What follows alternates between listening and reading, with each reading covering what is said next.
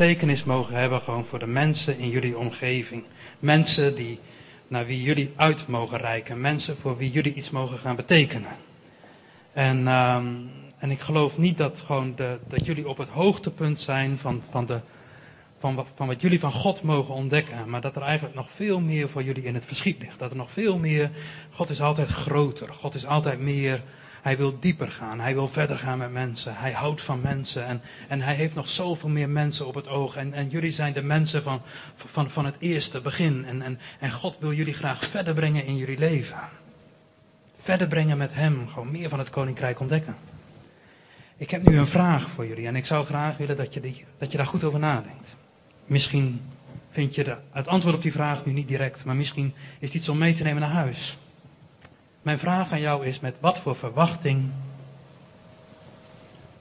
van God voor jouw leven maak jij deel uit van deze gemeente?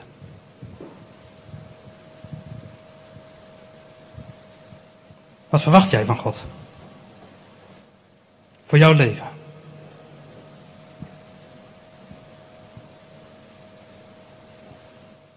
Wil iemand daar wat van zeggen?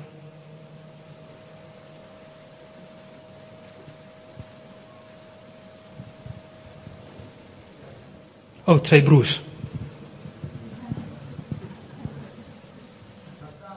Ja, doe maar. Kom maar op. Hartstikke leuk. Toch tijd zat. mocht tot half twee preken. Wil jij eerst? Jawel. Mijn verwachting, uh, zo het staat ding hard zeg. Mijn verwachting van God is dat ik zal wandelen en dat we als gemeente zullen wandelen in zijn kracht. Als ik om me heen kijk, zoveel mensen zoeken naar kracht in hun leven. Hè? Mensen die allerlei paranormale dingen aflopen en dan denk ik, waar zijn wij? En dan zeg ik ook tegen mezelf, waar ben ik?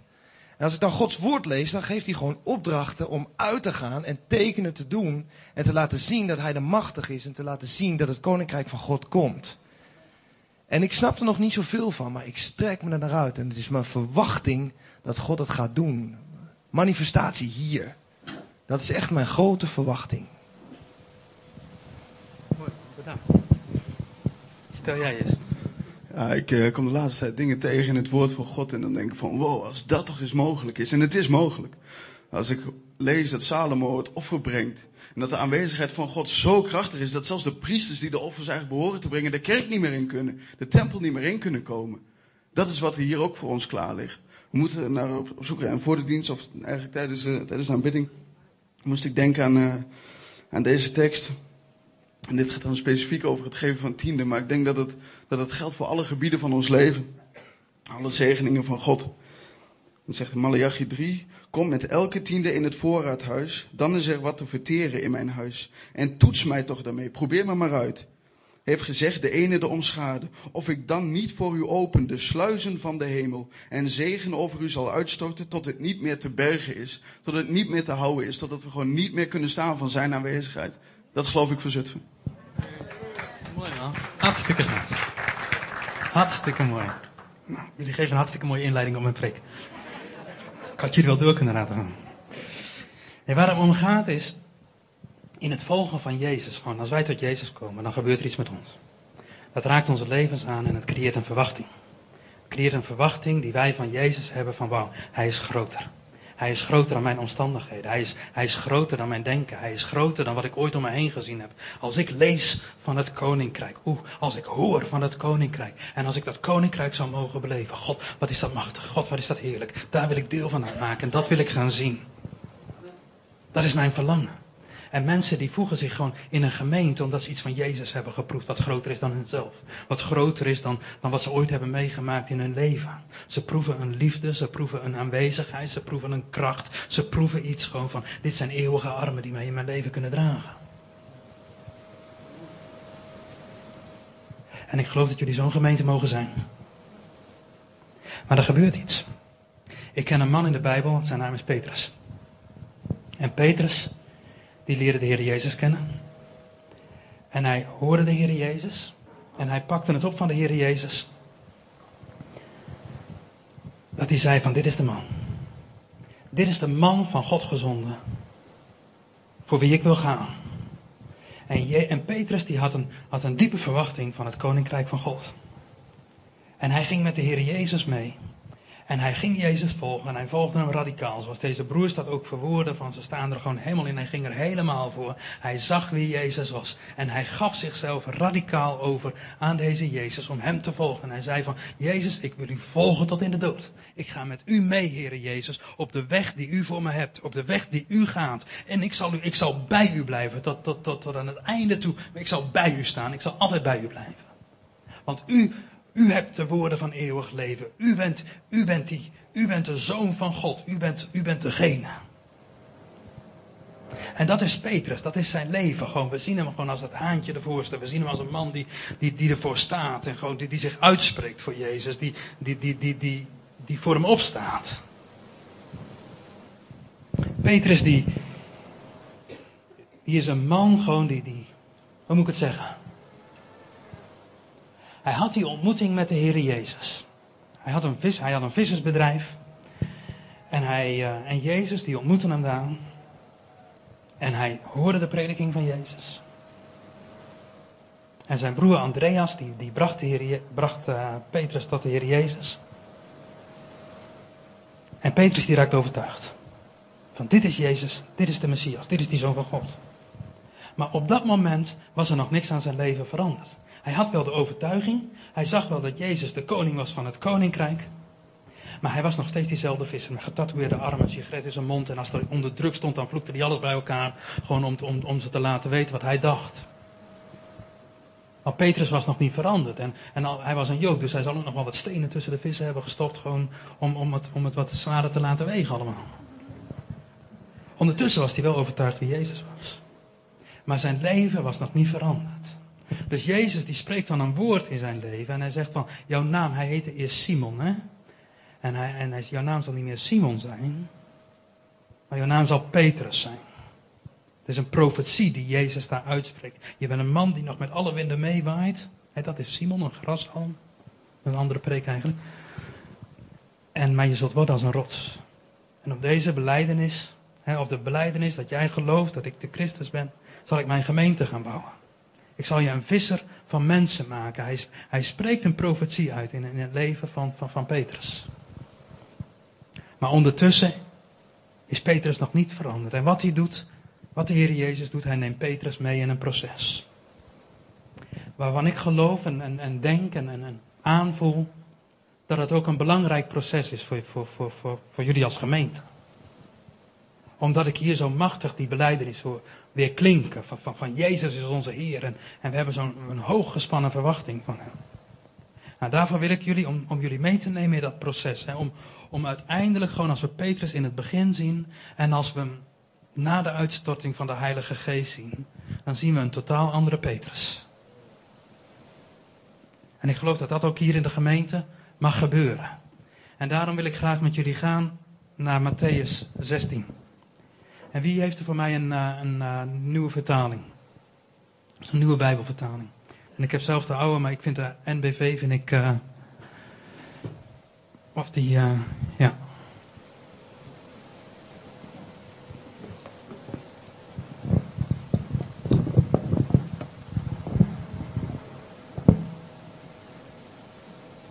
Matthäus, 6, Matthäus, Matthäus 16, vers 15.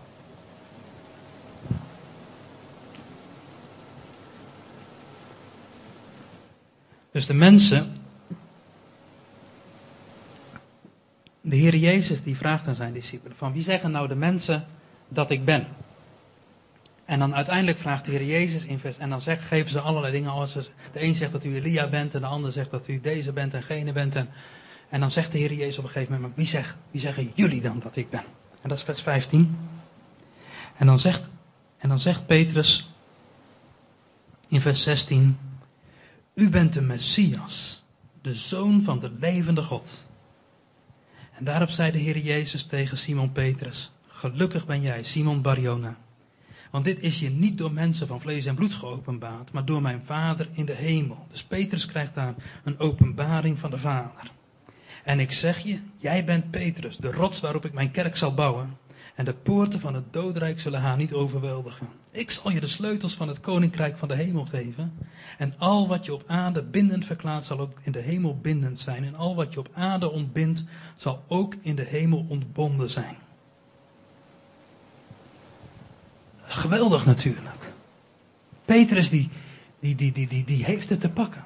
Moet je nagaan, gewoon die, die, die visserszoon, die eenvoudige man, die, die, die, die man die zo rauw leeft. En, en hij krijgt een openbaring van God de Vader. En hij heeft het helemaal van, wauw, ik heb het gezien. Ik heb het van God de Vader geopenbaard gekregen. Ik ben de man. Gewoon, ik, ik krijg de sleutels van het koninkrijk. Dit moet een geweldig indruk op Petrus hebben gemaakt. Hoe hij daar stond en dat de Heer Jezus dat zegt van Petrus, je hebt een openbaring van, van God de Vader ontvangen. Dat ik, Jezus de Christus, de Messias ben, de Zoon van de levende God. En Petrus die krijgt de sleutels van het koninkrijk beloofd. En, en, en, en ook op, die, op grond van die uitspraak dat die gemeente gebouwd zal worden. Wow, wat een opsteker voor Petrus. Gewoon wat een, wat, wat, een, wat, wat, wat een dynamiek gebeurt hier. En Petrus die heeft het helemaal van, wow, wat gebeurt me hier? Ik, ik, ik, zoveel krijg ik hier toebedeeld van God. En, en dat God de Vader mij dat openbaart. En, en Petrus voelt zich helemaal sterk worden. Petrus voelt zich machtig worden. Petrus die voelt van, van ik heb het gezien. Yes, halleluja, prijs God. Jezus de Christus. En hij bedeelt me dit allemaal toe. De sleutels van het koninkrijk. En deze belofte die je krijgt dat Jezus hier op de gemeente gaat bouwen. En hij is helemaal in de glorie. En hij, oeh, wauw, fantastisch gewoon. Groots om dit van God te mogen ontvangen. Openbaring van God de Vader. En, en zo, zo, zo kan ik ook naar jullie kijken. Zo kan ik ook gewoon mijn eigen leven zien. Als ik daarop terugkijk. Van, van, oh, ik heb dat van de Vader geopenbaard gekregen. Jezus is de Christus. Hij is de Zoon van de levende God. Oh, wat een blijdschap. Wat fantastisch. Alles in mijn leven hoort aan Jezus toe. Hij is mijn Heer. Hij is mijn God. En er is niks wat me daarvan af kan halen. Ik heb het helemaal gezien. Yes, ik heb het gemaakt in mijn leven. Ik hoor bij God. Ik ben van Hem. Heer, ik prijs u voor die machtige God die u bent. U u bent een heerlijk en een fantastisch God. U hebt mij gered. U, in u ben ik helemaal.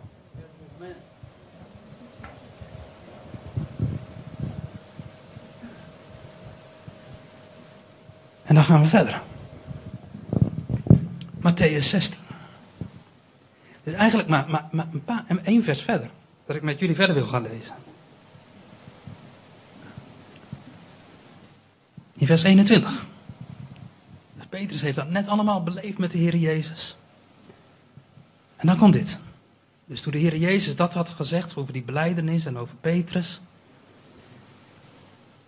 Dan zegt de Heer Jezus, vanaf die tijd begint dan de Heer Jezus zijn leerlingen duidelijk te maken dat hij naar Jeruzalem moest gaan. In vers 21. En veel zou moeten lijden door toedoen van de oudsten, de hoge priesters en de schriftgeleerden. En dat hij gedood zou worden, maar op de derde dag uit de dood zou worden opgewekt. En Petrus, die zo'n geweldige opsteker heeft gehad, die zegt dan het volgende. En dat is het volgende moment. Petrus nam Jezus terzijde en begon hem fel terecht te wijzen. God verhoede het, Heer. Dat zal u zeker niet gebeuren. Maar Jezus die keerde hem de rug toe. Met de woorden, ga terug achter mij, Satan. Je zal me nog van de goede weg afbrengen. Je denkt niet aan wat God wil, maar alleen wat de mensen willen.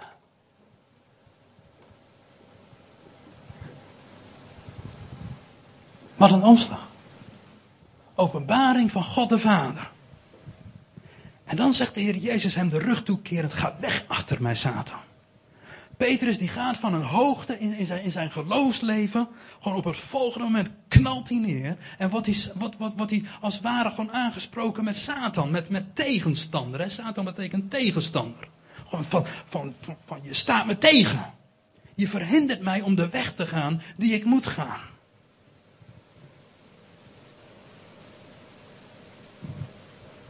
Petrus die krijgt een knauw. Die niet te zuinig is, die, die hem even heel diep raakt. Want hij dacht het om zo goed te weten. Hij dacht dat hij wist gewoon waar het om ging. Hij dacht gewoon dat God de Vader hem dingen openbaarde. En wat er nu gebeurt in zijn leven, is dat hij, dat, dat, dat, hij, dat hij Satan wordt genoemd, dat hij tegenstander wordt genoemd. Maar hoe dan toch, Heer? Hoe kan ik dan de weg, hoe kan ik een tegenstander van u zijn als God de Vader mij openbaart? Maar Jezus zegt op dat moment, de ene moment openbaring van God de Vader, Jezus de Christus, de, de Messias, de Zoon van de levende God. En het volgende moment gewoon van, van Satan, ga achter mij. Petrus, Satan, ga achter mij. Want je bedenkt niet de dingen die uit God zijn. Je hebt geen openbaring van God de Vader. Maar je, maar je bedenkt de dingen die uit de mensen zijn. En je zou me nog eens van de weg afleiden. Wat menselijk van Jezus. In die tweede reactie van, van Petrus herken ik mij net zo goed. Gewoon in de openbaring, gewoon van, van, de openbaring van Jezus de Christus. De Messias, de Zoon van de levende God. En het volgende moment, als, als, als het om, om mijn innerlijke hart gaat, als het om mijn, mijn, mijn eigen waarde gaat, als het om, om, om van Petrus die, die tegen, je, tegen de Heer Jezus zegt van we gaan niet naar Jeruzalem, u zult daar niet gaan sterven. Gewoon Bert Rosman die wil niet naar Jeruzalem om daar met Jezus aan het kruis te sterven. Petrus wilde niet met, met de Heer Jezus naar Jeruzalem om daar met de Heer Jezus te sterven. Want zijn verwachting lag bij het koninkrijk. Dat Jezus de scepter op zou nemen. Dat Jezus zou gaan regeren van eeuwigheid. En dat hij als eerste naast de Heer Jezus zou staan. We gaan niet naar Jeruzalem. U zult niet gedood worden. U zult niet gewoon vervolgd worden. U zult niet geslagen worden. Petrus had er geen zin in om op die manier met de Heer Jezus te moeten sterven. Gewoon als hij belooft dat Heer Jezus, ik zal u volgen tot in de dood. Want u bent mijn Heer, u bent mijn God.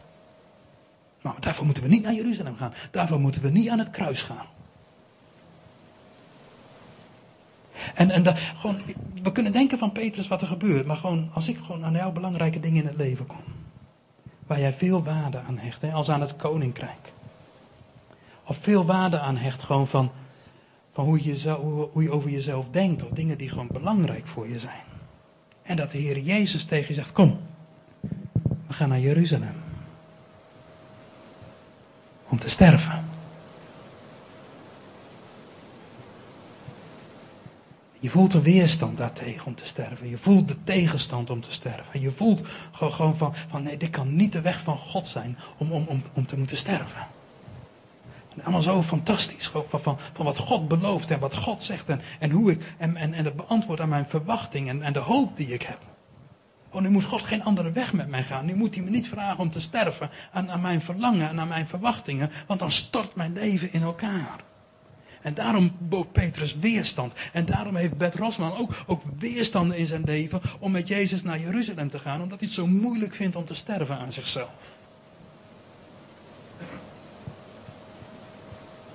Omdat hij erkenning zo belangrijk vindt en waardering van mensen en om gezien te worden.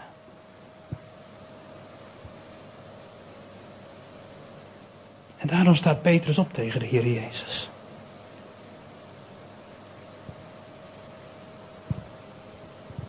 Dat is de tweede reactie van Petrus. En die twee dingen lijken naast elkaar te kunnen bestaan.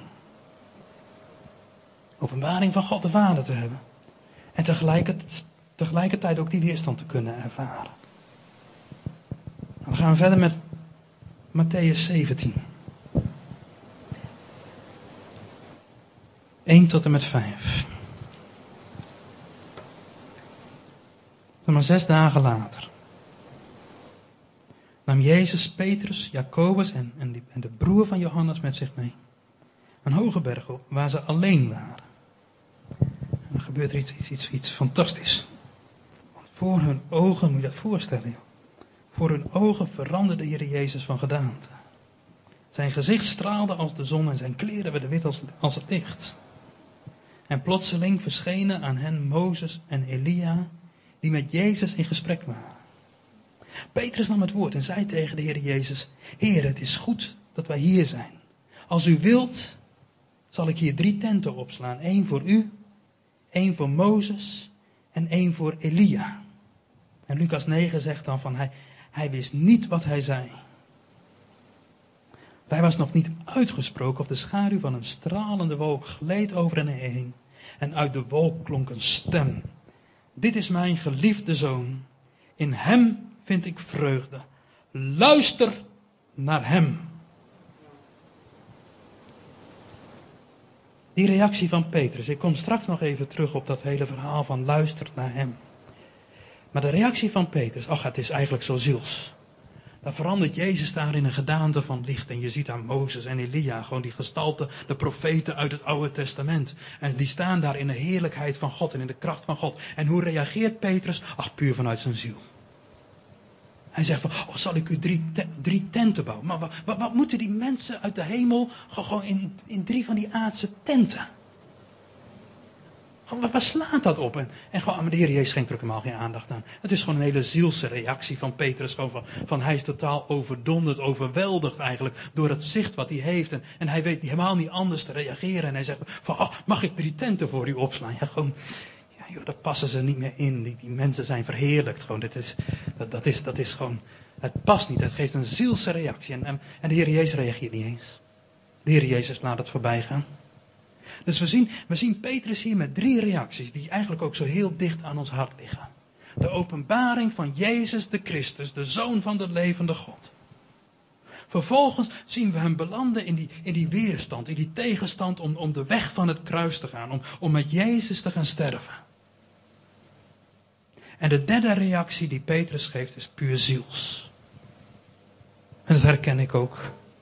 Of ik kan heel emotioneel en hyper zijn over, over, over van alles, maar dan is het puur emotionalisme. En ik reageer bam, ik ga eroverheen. Maar ik kan ook heel, serieus, heel ziels reageren door, door wanneer me iets moeilijks overkomt. Van, ach, ik voel me zo alleen. En ik voel me zo eenzaam. En ik voel me gewoon zo verlaten. En ik, en ik voel gewoon, ik voel dat ik nooit iets goed kan doen. En, en, en gewoon allemaal die hele zielse reacties, gewoon die zo diep gewoon uit, uit onze levenservaring komen. Gewoon van, van, van ach, waarin ik Jezus niet herken voor wie die werkelijk is. Waar ik me terugtrek in mijn aardse tent. Ik voel me zo alleen. Zal ik mijn aardse tent op gaan bouwen? En dit zijn die, die drie reacties van Petrus. De openbaring van God de Vader. De weerstand tegen de weg. En die zielse reacties. Maar ze liggen ook zo dicht aan mijn eigen hart, deze, alle drie deze reacties. En misschien herkennen jullie het voor jezelf. Van, van, van die openbaring hebben gewoon van, oh Jezus.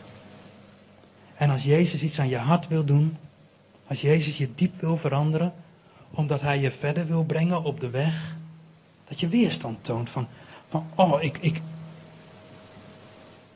ik wil mijn zekerheden niet loslaten. Ik wil mijn verwachtingen niet loslaten.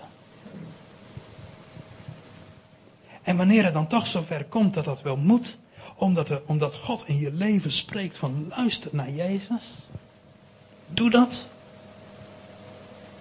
Dat je dat volledig ondersteboven kan doen zijn. Dat je puur vanuit je ziel reageert.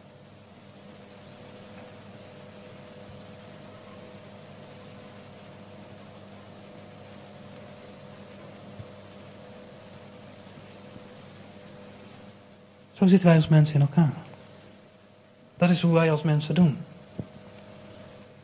En Petrus kent deze drie reacties en wij kennen ze ook, denk ik.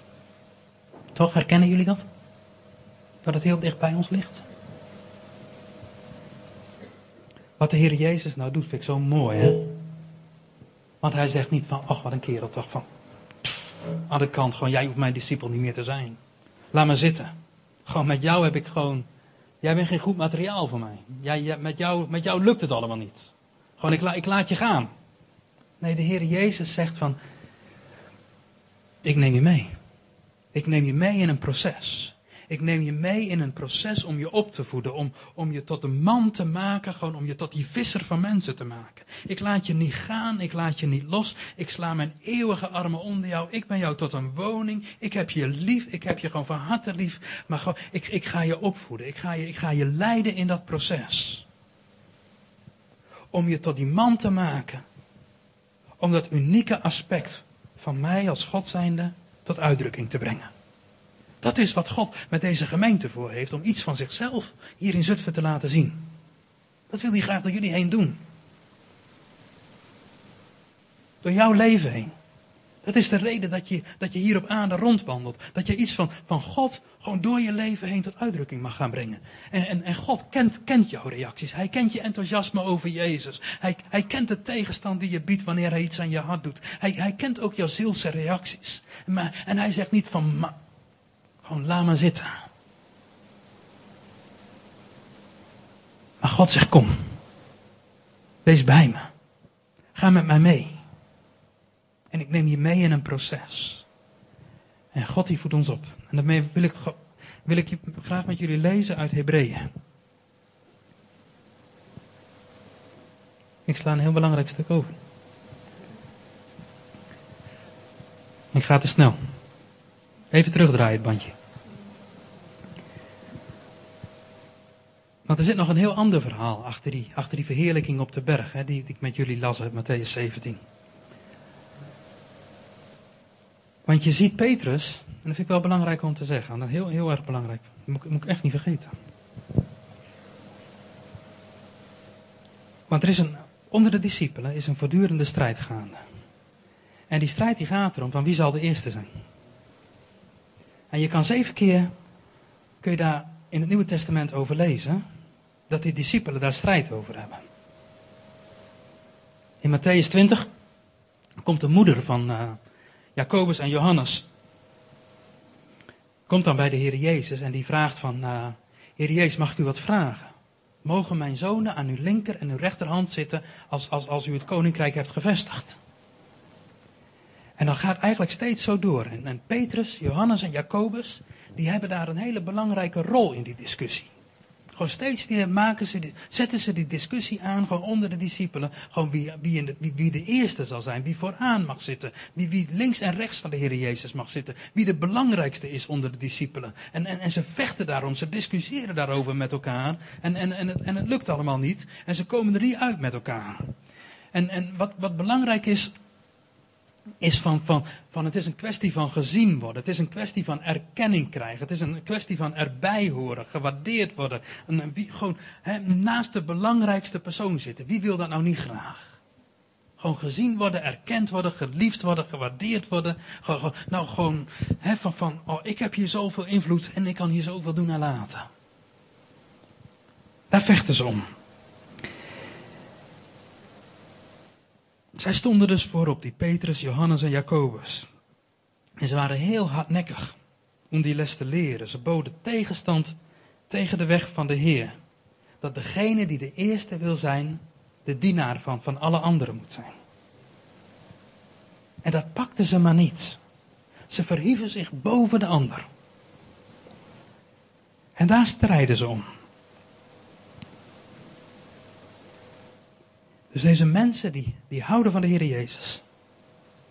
Ze erkennen Hem als Heer. Maar toch bieden ze tegenstand aan zijn leiding, die niet, gewoon, waar het niet overeenkwam met, hun, met het eigen beeld wat zij van, Heer, van de Heer Jezus hadden. Met de verwachting die zij van Jezus, die zij van Jezus hadden. Want zij hadden een beeld van hoe de Heer Jezus het koninkrijk zou gaan vestigen. En welke rol zij daarin zouden spelen.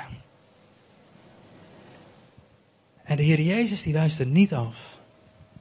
Maar hij neemt ze mee in dat proces. Nou, nu wil ik graag naar Hebreeën gaan. Hebreeën 12, dat is bijna achter in de Bijbel.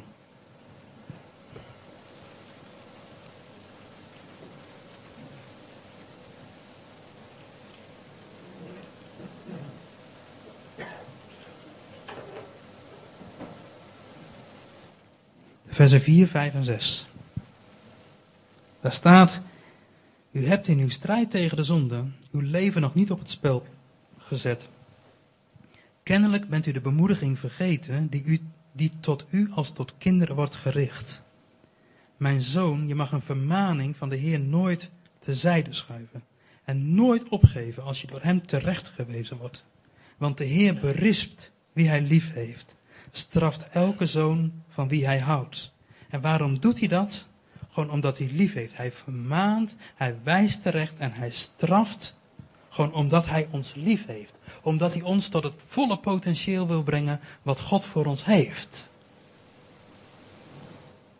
Ik wil een voorbeeld noemen van Jantje die liegt. Papa en mama die zien dat Jantje liegt en gewoon vinden niet leuk dat Jantje liegt. Dus wat doen ze eerst van, uh, ze roepen Jantje bij zich en ze zeggen, Jantje, je liegt. En, en gewoon, dit heb je gezegd, maar dit is wat wij, wat wij horen, wat wij zien. En je mag niet liegen, Jantje. Kom eens hier. Buig je voorover. Klap voor de bips. Niet liegen, Jantje. Maar even later, gewoon Jantje liegt opnieuw dat het barst. Dus wat doet papa? Maar Jantje, kom eens hier. Nu wil ik toch echt even heel serieus met je praten. En Jantje, en papa die praat op Jantje in.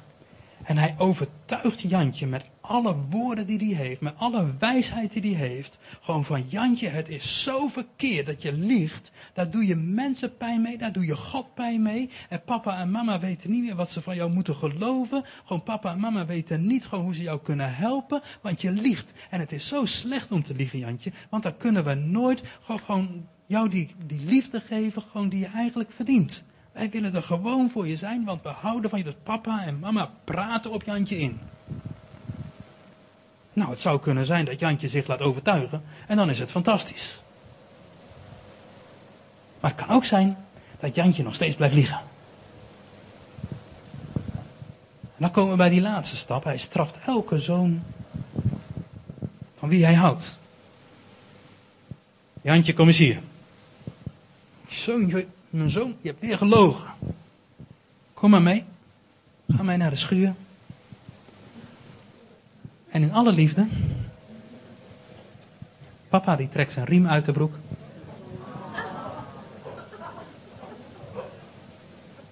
En met tranen in zijn ogen. Met meer pijn dan dat het Jantje gaat doen. Heel gericht, niet uit boosheid, niet uit ongerichte woede. Maar Jantje, ik moet je straffen. Want papa en mama die hebben jou verteld dat liegen slecht is. Ik heb echt met jou over gepraat dat het slecht is. Weet je, Jantje, nu dat liegen slecht is? Ja, papa, ik weet het. Nu heb je weer gelogen, Jantje. Ja, papa. Mag jij liegen, Jantje? Nee. Nu moet papa jou straffen. Zodat je weet, dat je weet, dat je weet, dat je weet. Dat liegen slecht is. Ga maar voorover staan, Jantje. En met één gerichte klap slaat papa de hel uit Jantje.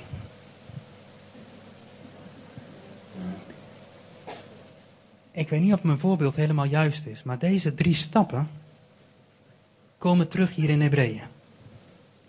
Het eerste is die vermaning. Jantje, je mag niet liegen. Het is niet goed om te liegen, Jantje. De tweede stap is die terechtwijzing op Jantje inpraten. Van Jantje, liegen is echt verkeerd. En daarom en daarom en daarom en daarom. Liegen hoort niet. En de derde stap is van hij straft elke zoon die hij lief heeft. Nou, dit is eigenlijk wat in het leven met Petrus gebeurt.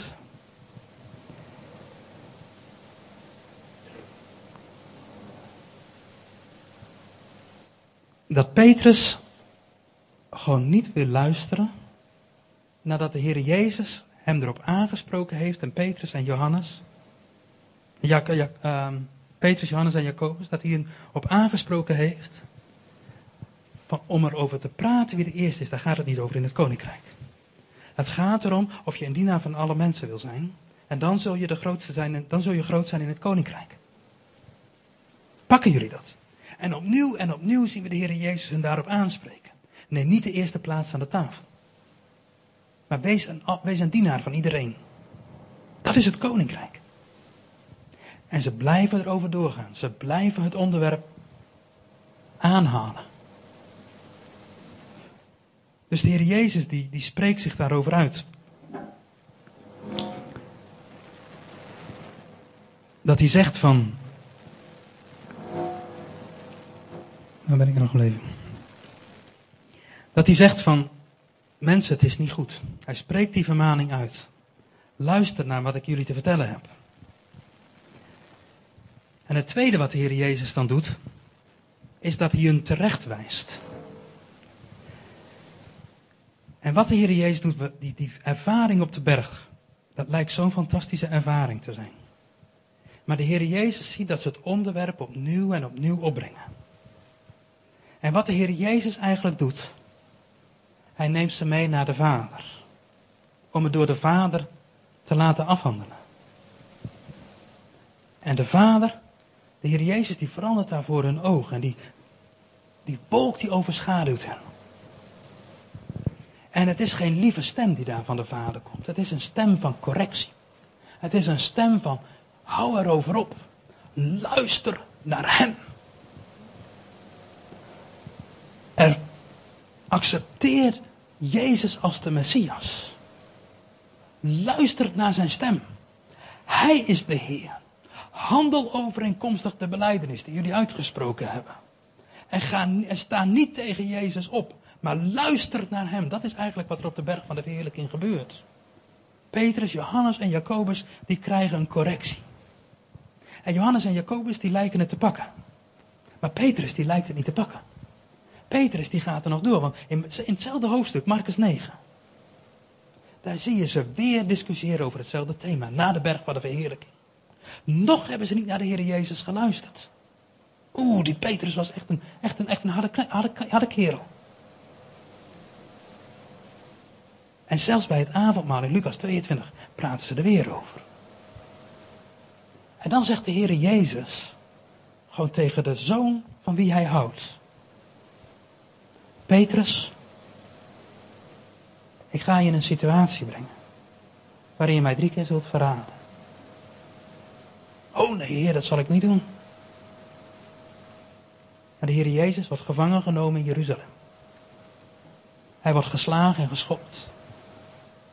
En hier zien we Petrus met de verwachting van het koninkrijk. Dat Jezus dan naar Jeruzalem zou gaan en hij heeft totaal niet begrepen wat de Heer Jezus eigenlijk gezegd heeft. maar zijn hele verwachting was voor het koninkrijk. De Heer Jezus zou het koninkrijk vestigen, de Romeinen zouden het land uitgegooid worden. Gewoon maar Petrus die, die had zo'n verwachting bij het koninkrijk, dat Jezus het op zou pakken, dat Jezus het zou gaan doen. En wat ziet hij nu? Zijn hele wereld staat in elkaar. Jezus wordt gevangen genomen, hij wordt geslagen en gematteld en, en, en Petrus die verwacht het koninkrijk en hij ziet zijn hele wereld staat in elkaar.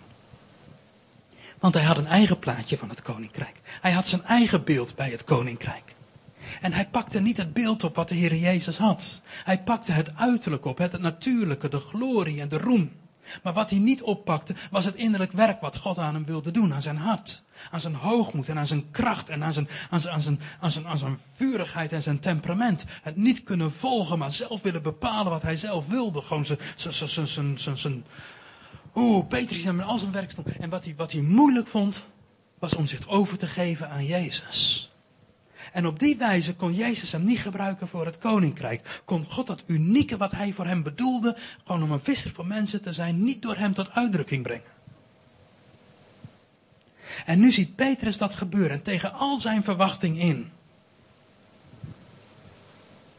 Wordt Jezus gevangen genomen, gestraft en hij ziet dat Jezus gedood gaat worden. Petrus een wereldstad in. Hij weet het niet meer. Hij heeft zo gedacht van God, Jezus die gaat het doen. En nu, voor Petrus is, het, is dit het einde. Hij ziet het niet meer. En op dit moment, als mensen aan hem vragen van wie is Jezus? Jij hoort ook bij hem, is Petrus het helemaal kwijt. Hij weet het niet meer. En misschien zitten hier ook wel mensen die met zo'n sterke verwachting naar God zijn gekomen. Met zo'n verlangen gewoon, om God alles te zien doen in hun leven. Om met, de verwachting van, oh hij gaat het helemaal maken. Maar je bent in het punt, op een punt beland gewoon, dat je Jezus heel iets anders in je leven ziet doen dan dat je ooit van hem verwacht had. Omdat hij een innerlijk werk in je hart aan het doen is en je herkent het niet. Net zoals bij Petrus. En, en, en, en Jezus die doet iets in je leven. En je bent helemaal verward omdat hij dat doet. Want je had gedacht dat hij je een prediker zou maken. Je had gedacht dat hij, dat hij je aanzien zou geven. En roem en waardering. En dat je door iedereen gezien zou worden. Maar nu zit je hier in het verdriet en in je gebrokenheid. Jezus is een hele andere weg met jou gegaan. Dan dat je eigenlijk van hem verwachtte. Het koninkrijk ziet er voor jou heel anders uit op dat moment van dat je eigenlijk droomde.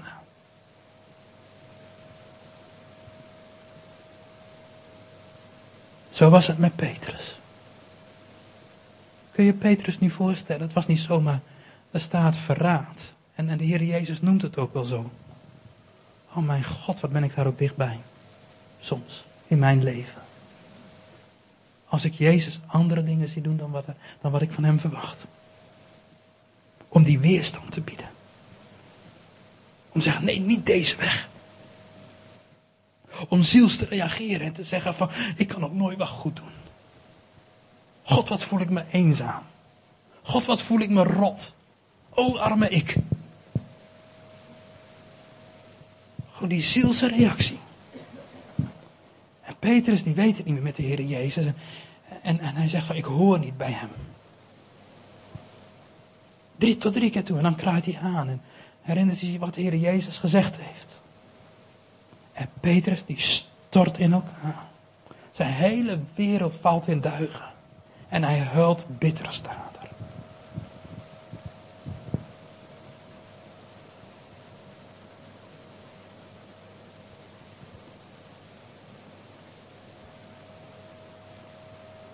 Dat is Petrus.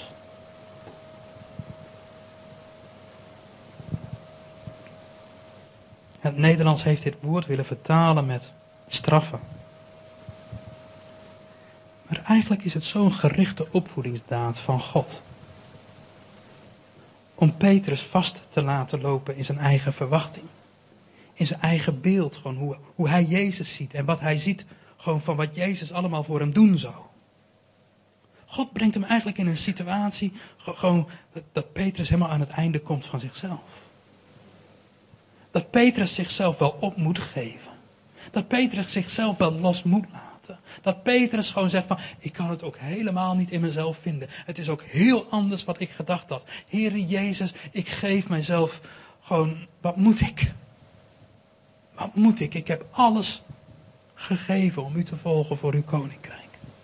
Ik heb alles, alles gedaan wat ik kon doen. Petrus die stort in elkaar. We kennen het verhaal misschien, hij gaat weer vissen. En in Johannes 21, dan, dan lezen we over het herstel van Petrus in relatie met de Heer Jezus. Drie keer heeft Petrus hem verraden. Drie keer stelt de Heer Jezus hem een vraag. Een vraag die steeds dieper gaat. Petrus, hou je van me? Petrus, wil je opnieuw in dat gebied komen van dat ik Jezus de Christus ben, de Zoon van de levende God? Hou je van me? Wil je me volgen? Wil je bij me zijn? Peter zegt, ja, ik wil. Peter, Jezus vraagt voor de tweede keer. Petrus, hou je van je? Hou je van me? En een derde keer. Jezus dringt diep door in zijn hart. En dan zegt Petrus, Heer, u weet dat ik van u hou. En dan staat daar die tekst in vers 18 van Johannes 21. Waarachtig, ik verzeker je. Toen je jong was, deed je zelf je goddel om en ging je waarheen je wilde. Maar wanneer je oud wordt, wanneer je rijp wordt, zal een ander je de handen grijpen, je de goddel omdoen en je brengen waar je niet naartoe wilt. Ook als dat Jeruzalem betekent de weg van het kruis. Wat heeft de Heer gedaan met hem? Gewoon dat, die verwachting die Petrus had van het koninkrijk. Heeft de Heer Jezus omgebogen door die ervaring. Dat Petrus het alleen nog van de Heer Jezus verwachtte.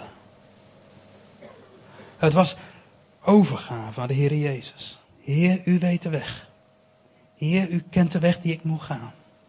Ik sla mijn handen in uw handen. Ik laat mij door u de goddel omdoen. Ik laat mij door u leiden in mijn leven. Niet mijn verwachting, mijn beeld, mijn plaatje, hoe het er allemaal uit zal zien. Maar ik verlaat me volledig op u. Ik weet niet meer wat ik anders moet doen. Ik weet niet meer hoe ik het anders moet zien. Jezus, dan dat u de weg maakt. En Petrus die geeft zich over. Petrus die laat het los en, en, zegt, Jezus, laat, doet u het maar in mijn leven. Hij stelt zijn verwachting bij. Hij laat Jezus dat innerlijke werk aan zijn hart doen. Die verandering, dat, om alle pijnpunten weg te werken, om, om, om met Jezus te wandelen. En zo gaat Petrus de nieuwe tijd in. Hij wordt vervuld van de Heilige Geest. En in Handelingen 3 lezen we gewoon dat hij, dat, dat hij mensen geneest en dat er van allerlei fantastische dingen gebeuren. Dat hij bij de lammen van de poort komt en dat hij zegt van zilver en goud, dat heb ik niet. Maar wat ik heb, dat geef ik je. En hij slaat de handen in die handen van die man. En hij richt hem op. Worden ze gevangen genomen. En in Handelingen 4, vers 13, dan staan ze daar voor het Sanhedrin, voor, de, voor die hoge priesters, die de Heer Jezus gedood hebben. En dan staat daar, en ze herkenden hem, Petrus en Johannes, als mens, eenvoudige mensen uit het volk, die bij de Heer Jezus waren geweest. Nou, ik geloof dat jullie dat als gemeente mogen zijn. Ik, ken, ik herken jullie enthousiasme. Gewoon, Jezus is de Messias. Ik herken jullie verlangen om ieder aspect van jullie leven onder die gehoorzaamheid te brengen. In dat gebied waar Jezus de Messias is, waar Jezus heerst. Ik herken in jullie ook mensen. Dat ik het in mezelf herken, denk ik. Gewoon die tegenstand kunnen bieden aan, die, aan de weg van het kruis. Aan mensen die ziels kunnen reageren. Gewoon verhard je hart dan niet. Gewoon op het moment dat God, dat de Almachtige, de Heer, gewoon het innerlijke werk aan je hart wil doen. En je wil veranderen om, om je meer te laten zijn wie je werkelijk bent in Hem. Stel je verwachting daarin op Jezus. Je verwachting van het koninkrijk is niet verkeerd. Maar hoe je daarin mag leven. En hoe het gestalte zal gaan krijgen. Daarin heb je nodig om de weg van het kruis te gaan. En die innerlijke weg. Om je door de Heer te laten veranderen. Zodat jij dat unieke van Hem tot uitdrukking mag gaan brengen. Dat is wat ik graag met jullie wilde delen.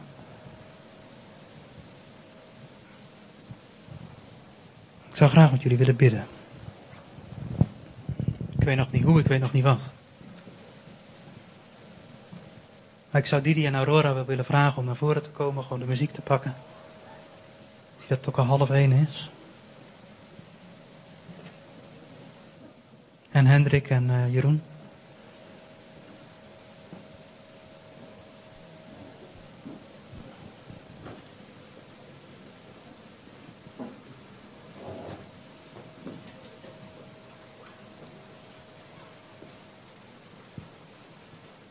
Van de Almachtige horen, gewoon wat, zijn, wat zijn volgende stap is.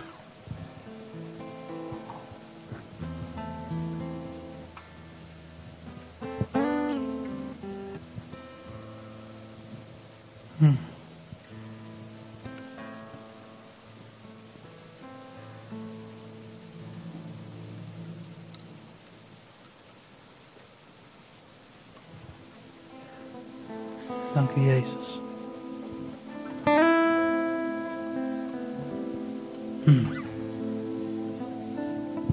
Gemeente van de Heer Jezus.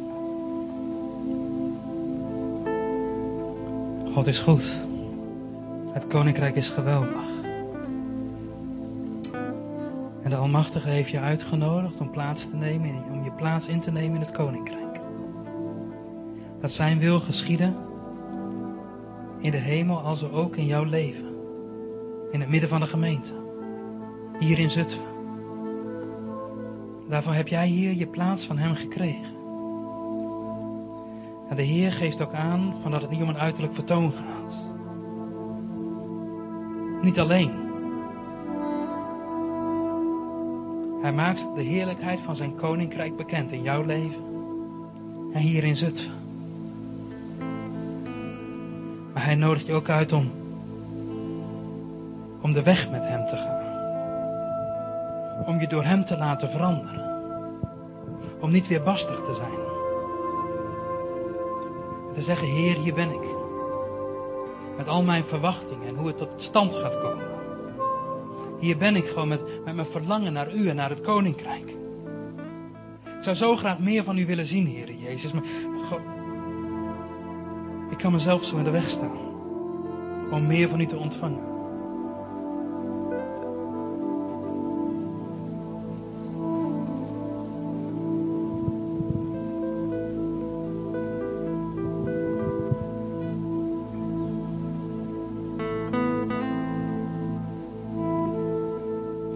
Heer vraagt van je, mijn zoon, mijn dochter, geef mij je hart. Maar nu hoor ik hem ook zeggen, mijn zoon, mijn dochter, geef mij jouw verwachting.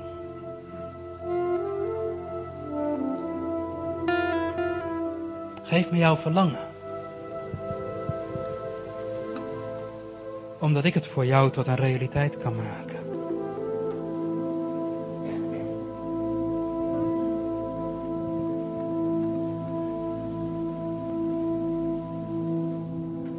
Verwachtingen niet beantwoord worden, dan leidt het tot teleurstelling. En ik geloof ook dat hier mensen zijn die, die dingen verwacht hebben van God en het gebeurt maar niet. En het gebeurt niet op de manier zoals je het verwacht. Het is anders gegaan dan dat je gehoopt had, dat je verwacht had van hem. Het plaatje klopt niet. Wat je van hem gedacht had.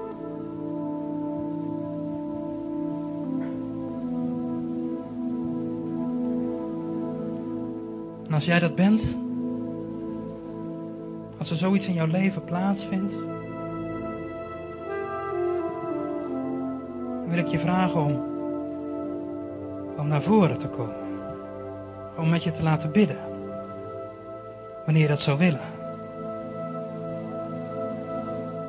Gewoon om je hart en je wezen en met al je verwachtingen aan Hem over te geven.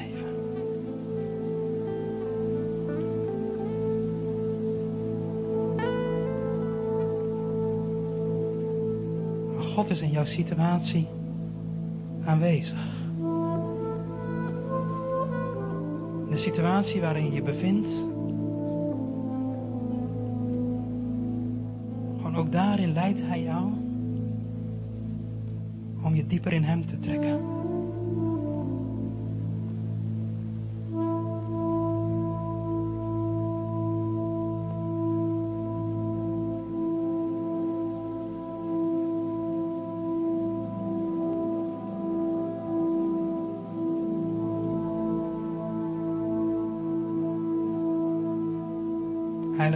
Van Jezus, ik bid u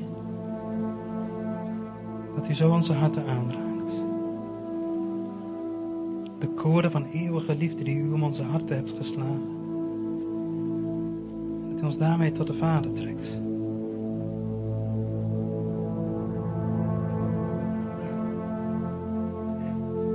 Dat we onze zekerheden aan u kunnen overdragen.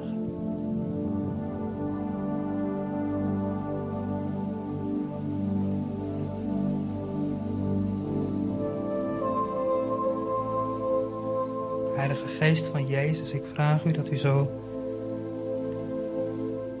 tot een ieder van ons in onze harten spreekt. Doe wat nodig is. Spreek tot onze harten. Meer van u mogen zien. Dat we in dezelfde kracht mogen komen te staan waarin Petrus met u stond.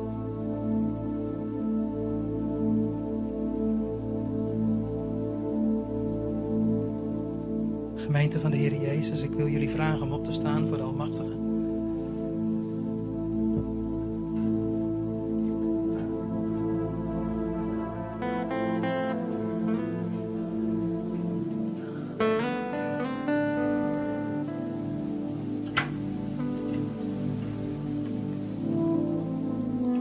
Ik spreek over jullie de woorden uit. En wat ik wil gaan doen is dat ik de dienst ga afsluiten, dat er koffie gedronken mag gaan worden. En dat mensen die zich aangesproken voelen gewoon door de geest van God. Gewoon dat die tijdens het koffiedrinken gewoon ook hier naar voren mag komen, dat er een gebedsteam is. Dat we met mensen kunnen bidden. Om verwachtingen bij te stellen. Om verwachtingen over te geven. Om, om God het beeld in te laten vullen wat je van hem mag hebben.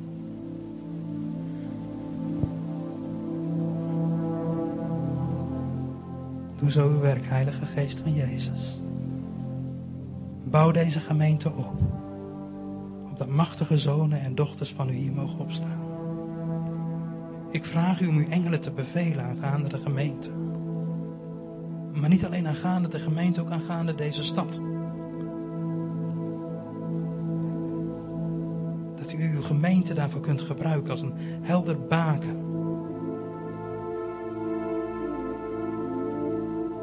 En dat de gemeente daar een, deel mag uit van maken van het heilsplan dat u hebt. Zilver en goud, dat hebben we niet. Maar datgene wat we hebben, dat we dat aan deze stad kunnen geven.